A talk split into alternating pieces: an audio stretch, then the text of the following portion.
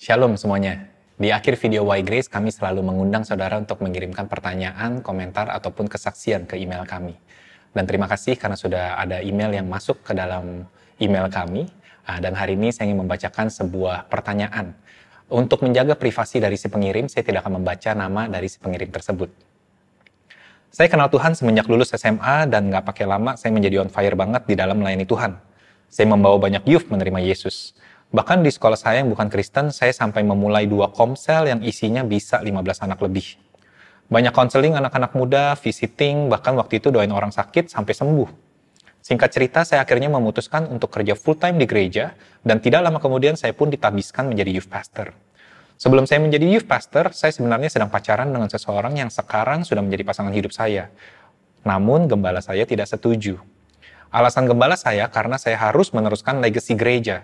Dia khawatir kalau kami serius dan menikah, saya harus ikut pasangan hidup saya dan tidak lagi di gereja tersebut. Gereja tempat saya bertumbuh itu pengajarannya sangat pekat tentang destiny, tujuan hidup. Jadi ketika gembala saya bilang nggak boleh pacaran, saya berpikir kalau saya terusin, maka saya akan jalan menjauhi destiny saya. Tidak lama setelah menjadi youth pastor, saya keluar dari gereja. Waktu itu saya kurang setuju dengan keputusan gereja yang waktu itu menyuruh saya menjauhi salah satu teman saya, walaupun saya tahu teman saya yang berbuat salah. Karena saya menentang keputusan gereja, saya sampai mau dikirim ke luar negeri untuk ikut pengajaran di sana. Saya makin gak setuju, karena saya sudah ada rencana untuk menikah. Ketika saya akhirnya keluar dari gereja, saya merasa hidup saya tidak ada tujuan lagi. Nah, di sini saya mulai stres dan kepikiran tentang destiny. Saya berpikir dulu saya berjalan di dalam destiny Tuhan, tetapi sekarang sangat jauh dari yang pernah saya bayangkan. Saya sekarang bahkan sudah tidak tahu lagi mau mulai dari mana, bahkan saya tidak tahu lagi mesti bergereja di mana. Sebelum saya lanjutkan, wow, saudara lihat ya bagaimana sebuah pengajaran dapat mempengaruhi kehidupan seseorang begitu luar biasanya. Uh, makanya ketika saya mengenal kasih karunia, saya semakin melihat bahwa kasih karunia itu fokusnya sering kali bukan kepada kita, saudara-saudara. Seringkali fokusnya selalu penekanannya kepada apa yang Yesus sudah selesaikan dan tidak selesaikan. Karena sepintar-pintarnya kita atau sehebat-hebatnya kita, kita ini terbatas. Pasti selalu ada kegagalan atau kesalahan yang kita buat. Tapi yang saya mengerti bukan hanya mengenai pengajarannya, tapi juga yang kedua adalah the spirit di dalam mengajarkan atau roh kasih karunia di dalam membagikan ketika roh kasih karunia yang dibagikan itu penekanannya sering kali bukan kepada apa yang harus orang lakukan, tapi penekanannya selalu kepada apa yang Yesus telah selesaikan. Jadi saya percaya ketika kita bukan hanya mengajar kasih karunia, tapi juga ada spirit, kita ada roh kasih karunia di dalam pengajaran kita, saya percaya orang ketika selesai mendengarkan itu, mereka akan berasa bebas dan lega, tapi bukan merasa semakin harus dan terhimpit dan tertuduh. Saya lanjutkan uh, pertanyaannya. Setelah sekian tahun melihat dan mengalami begitu banyak mujizat melalui pelayanan, tiba-tiba sekarang doing nothing. Makanya sampai sekarang saya masih bertanya-tanya, apa kabar destiny saya? Apa tujuan hidup saya?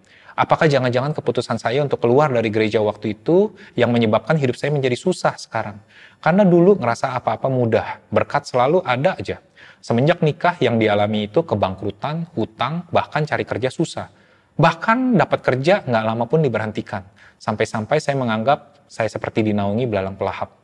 Wow, terima kasih telah membagikan pertanyaan ini yang saya rasa ini adalah sebuah pertanyaan yang sangat pribadi, tapi juga cukup merefleksikan kehidupan banyak dari kita. Saya rasa bukanlah sebuah hal yang asing ketika kita pertama kali mungkin sedang dekat sama Tuhan, kita menanjak kehidupannya seperti on fire, lalu tiba-tiba ada sebuah kejadian, kemudian setelah kejadian itu kehidupan kita seakan-akan menungkik tajam, turun, dan kita pun mulai bertanya, apakah jangan-jangan saya, saya salah? Atau bahkan kita bertanya, apakah jangan-jangan Tuhan sedang menghukum saya? Hari ini saya mau katakan, di firman Tuhan Roma 8 berkata, tidak ada penghukuman bagi kita yang di dalam Kristus Yesus. Bahwa Tuhan sedang tidak menghukum kita yang di dalam Kristus Yesus. Penghukuman itu sudah selesai di atas kayu salib di dalam tubuh Yesus. Nah, sering kali kata-kata penghukuman ini hanya kita pakai ketika kita merasa bersalah kita berpikir penghukuman itu seperti seakan-akan perasaan bersalah, perasaan, perasaan, dan perasaan gitu. Tapi kata penghukuman ini bukan berbicara tentang perasaan saudara-saudara. Kata penghukuman ini berbicara tentang posisi, tentang status saudara di mata Tuhan. Bahwa Tuhan memandang saudara benar, terlepas apakah saudara merasa bersalah atau tidak. Perasaan saudara bukanlah yang menentukan hasil akhirnya. Karena perasaan kita sering kali terpengaruhi oleh situasi, emosi, ataupun hormon saudara-saudara. Tapi ketika Tuhan memandang kita benar, itu terlepas dari perasaan kita. Di sinilah kabar baiknya. Karena Tuhan memandang kita sebagai orang benar, maka efek dari kebenaran itu pun nyata dalam kehidupan kita. Yaitu bahwa setiap janji Tuhan adalah ya dan amin di dalam kehidupan kita. Bahwa Tuhan tidak sedang menjauhkan kita dari janji Tuhan. Nah, kalau misalnya saya boleh katakan berarti masa depan saudara, tujuan hidup saudara itu masih aman di dalam Tuhan.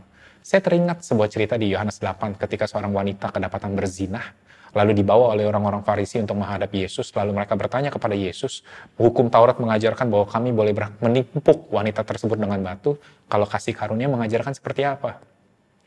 Lalu kita tahu ceritanya bahwa mereka akhirnya beranjak pergi karena Yesus bertanya, bagi kamu yang tidak berdosa, engkau boleh menimpuk terlebih dahulu.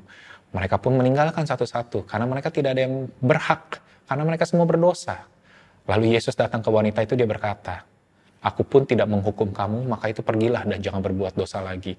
Ingat bahwa Tuhan memberi pengampunan terlebih dahulu, baru Tuhan mengingatkan jangan berbuat kesalahan lagi. Bukan kebalik, saudara-saudara. Sangat menarik, bukan? Ketika orang-orang Farisi ingin menimpuk batu, tapi mereka tidak berhak. Sedangkan Yesus, dia berhak untuk menimpuk, menimpuk batu, tapi dia tidak ingin. Inilah kasih Yesus bagi kita. Maka itu teruslah duduk di bawah kaki Yesus. Teruslah duduk di bawah pelayanan yang membawa ke kehidupan. Bahwa semuanya telah diselesaikan oleh Yesus. Bahwa Yesus tidak sedang datang untuk menghukum saudara dan saya. Bahwa Yesus datang untuk mengasihi dan menyelamatkan saudara dan saya. Teruslah duduk di bawah air terjun kasih karunia. Teruslah berendam di dalam samudera kasih karunia. Agar saudara dan saya dapat menangkap bahwa hati Bapa selalu untuk menyelamatkan saya. Ketika kita duduk diam di bawah pengajaran demikian, bukan hanya kita semakin dibebaskan, tapi semakin ada pemulihan, semakin ada harapan bahwa masa depan kita adalah masa depan yang penuh pengharapan. Dan pengharapan tidak mengecewakan saudara-saudara. Yang terakhir saya mau katakan, Tuhan tidak pernah menyebabkan kebingungan. Ketika Anda bertanya, salah nggak sih waktu itu? Apakah begini? Jangan-jangan saya telah ini. Itu kebingungan saudara-saudara. Tuhan tidak pernah membawa kebingungan. Pelayanan Tuhan selalu membawa kejelasan, kepastian. Jadi janganlah berfokus kepada kebingungan saudara, tapi berfokuslah kepada yang pasti. Bahwa Yesus telah membayar semua, Yesus telah menutup pelanggaran dan dosa saudara, dan Yesus masih memberikan janji pengharapan masa depan yang indah.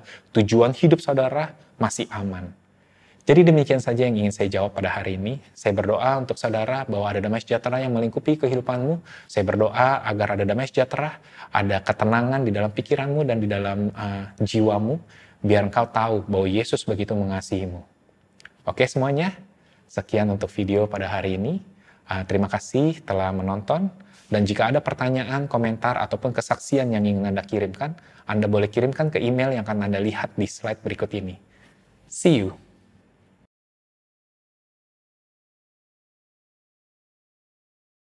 Hai, saya Julian Chong dari The Coast Indonesia Church dan ini adalah channel YouTube kami.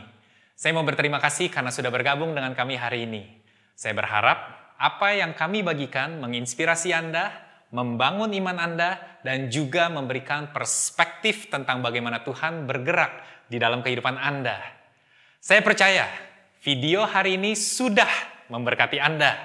Maka itu jangan lupa untuk suka, dan sebarkan video ini ke teman-teman ataupun keluarga Anda. Serta berlangganan dan juga menyalakan lonceng pemberitahuan di bawah ini untuk mendapatkan update akan video-video terbaru dari kami. Sekali lagi, terima kasih dan jangan lupa nonton video kami yang lain di channel kami. Sampai jumpa di episode yang lainnya. Shalom.